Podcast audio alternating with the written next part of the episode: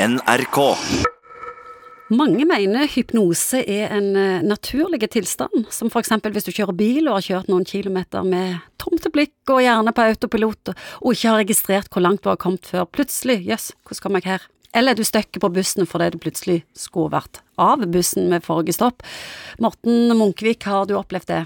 Jeg har vel drømt meg vekk enkelte ganger og eh, lurt på hva som skjedde på veien. Altså både på tog og buss og den type ting, men òg når jeg faktisk kjører bil sjøl. Det er litt altså, nifst å tenke. Ja, det er jo det.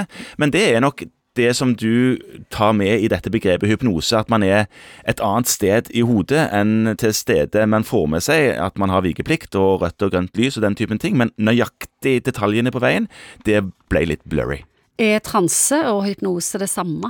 Hypnose er sånn medisinsk sett en tilstand man blir satt i. En terapeut som setter deg i en tilstand som du ikke hadde kommet i helt på egen hånd. Mens en transe er mer en sånn tilstand som, du, som er mer det vi snakket om, med at du forsvinner litt fra virkeligheten på eget initiativ, nærmest. Er hypnose noe du syns er gunstig når det kommer til behandling? Som lege, har du brukt det? Prøvd det? Jeg sjøl har jo ikke brukt hypnose, men jeg vet at hypnose brukes til enkelte tilstander hvor man kanskje ikke har så mye annet å stille opp med.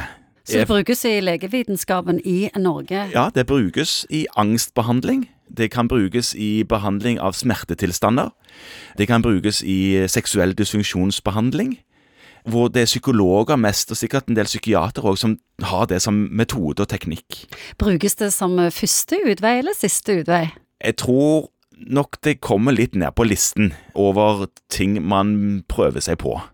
Er det vanskelig å få tilgang på? Det er nok ikke mange som driver på med denne typen ting, men når du går til fastlegen din, så henviser ikke fastlegen vanligvis til hypnose eller hypnoterapi. Fastlegen henviser til eh, en eller annen eh, sykehusspesialist, en organspesialist eller en psykolog eller en psykiater, som vil tenke denne problemstillingen kunne egne seg som hypnose, og så er det de som tar den avgjørelsen. Hvis det er noen som lytter på nå og har lyst til å prøve det til noe de plages med, er det lett å gå til fastlegen og bli henvist til hypnose?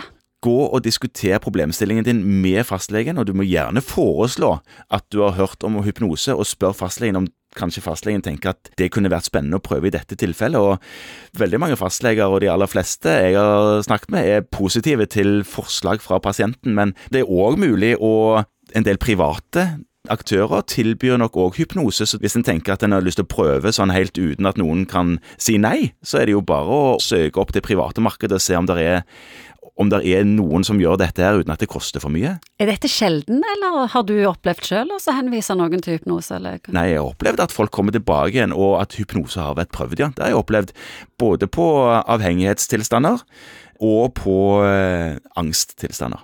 NRK.